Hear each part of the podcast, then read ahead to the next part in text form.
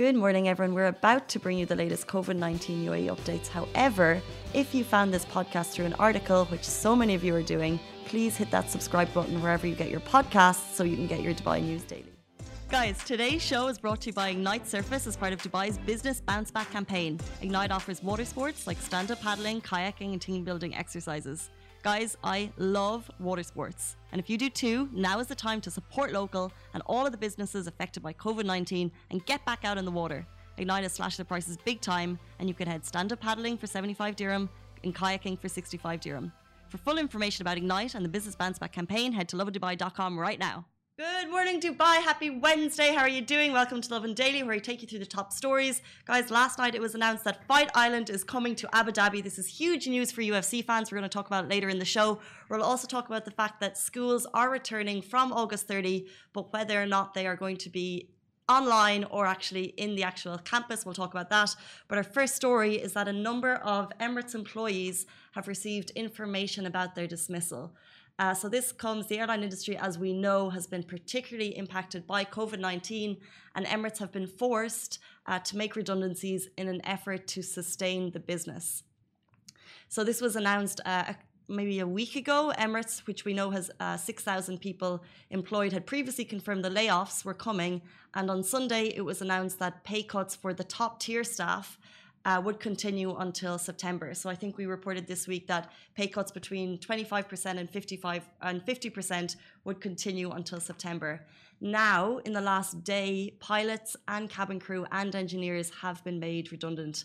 In a statement, the airline said, after reviewing all scenarios and options, we deeply regret that we have to let some of our people go. And there's a further statement which you can see online.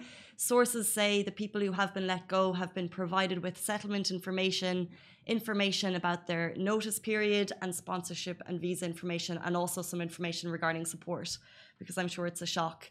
Uh, as we know, Emirates aren't the only airline affected. This is affecting the global airline industry.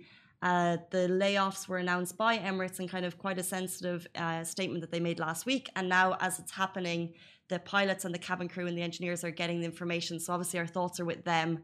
And we just hope that when this period passes, regular flight will, flights will resume and we'll all be back on Emirates as much as we were before, and that uh, some of the people who've lost their jobs can, in fact, get their jobs back. And we'll move into our next story. The Ministry of Education denies rumours that kids will be in classrooms from August 30. So this week it was announced that the academic school year would start back on August 30. So currently, as we all know, there is online learning in place, which is going to be uh, until the end of the school term. The announcement this week left many people wondering whether kids would in fact be physically attending school from the end of August or whether online learning would continue.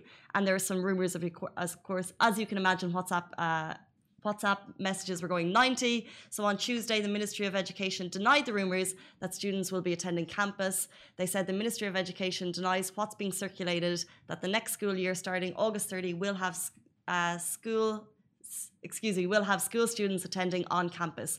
No decision has been taken on the matter, and the nature of the learning process will be decided according to health and development precautions. So, I don't know about you guys, but of course, if you have kids, or if you're a teacher, or if you're working in the school industry, whether or not you'll be attending school in August is quite a massive topic of conversation. It may um, it may it may deter your summer plans, whatever you're thinking. And of course, obviously, schools have been online learning for, is it over two months now? Like we've been social distancing. So whether or not they'll be back is quite big. Um, the fact that we know this academic calendar is starting from August 30 had people wondering whether or not they'll be back in. So now, what we have from the Ministry of uh, Ministry of Ed Education is the fact that no decision has been taken yet. So it's still not sure, and like they said, it will depend on health at the time. Going to take a short break. We'll be back with you after this message. Help us to support businesses affected by COVID 19 through our Lovin Business Bounce Back campaign and share your favourite businesses with us at hello at lovindubai.com or DM us on our Lovin channels, Facebook, Insta, or Twitter. Absolutely massive news. UFC Fight Island, excuse me, is happening in Abu Dhabi this July. Uh, so this is not only huge news for sports uh, UFC fans, it's also news for all sports fans who've been waiting for UFC 251 is coming to Yas Island in starting July 11, and there'll be a total of three fights, with all eyes on Kamaru Usman and Gilbert Burns for the massive fight on the first night. UFC President Dana White he confirmed the news after it was rumored they were looking for a safe international destination to host the flights. He also confirmed there would be more flights happening on July 15th, July 18th, and July 25th.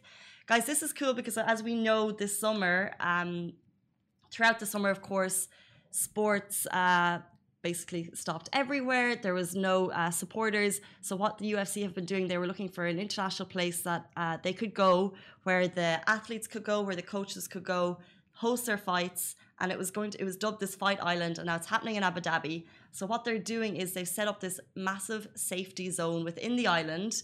It's going to have training facilities, dining facilities, and only the actual uh, athletes, the coaches, personnel involved with the fight will be permitted onto this safe space which will permit the four fight nights to go ahead. As you know, here in the U- in the UAE, there is massive UFC fans.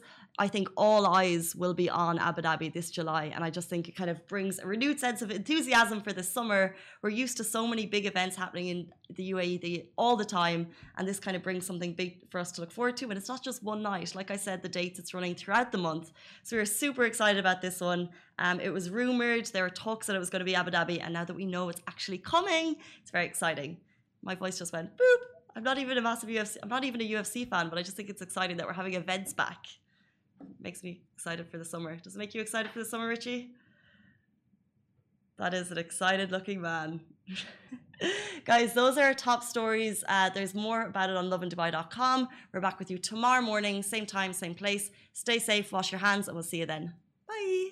Guys, that is a wrap for the Lovin Daily. We are back same time, same place every weekday morning. And of course, don't miss the Lovin Show every Tuesday where I chat with Dubai personalities. Don't forget to hit that subscribe button and have a great day.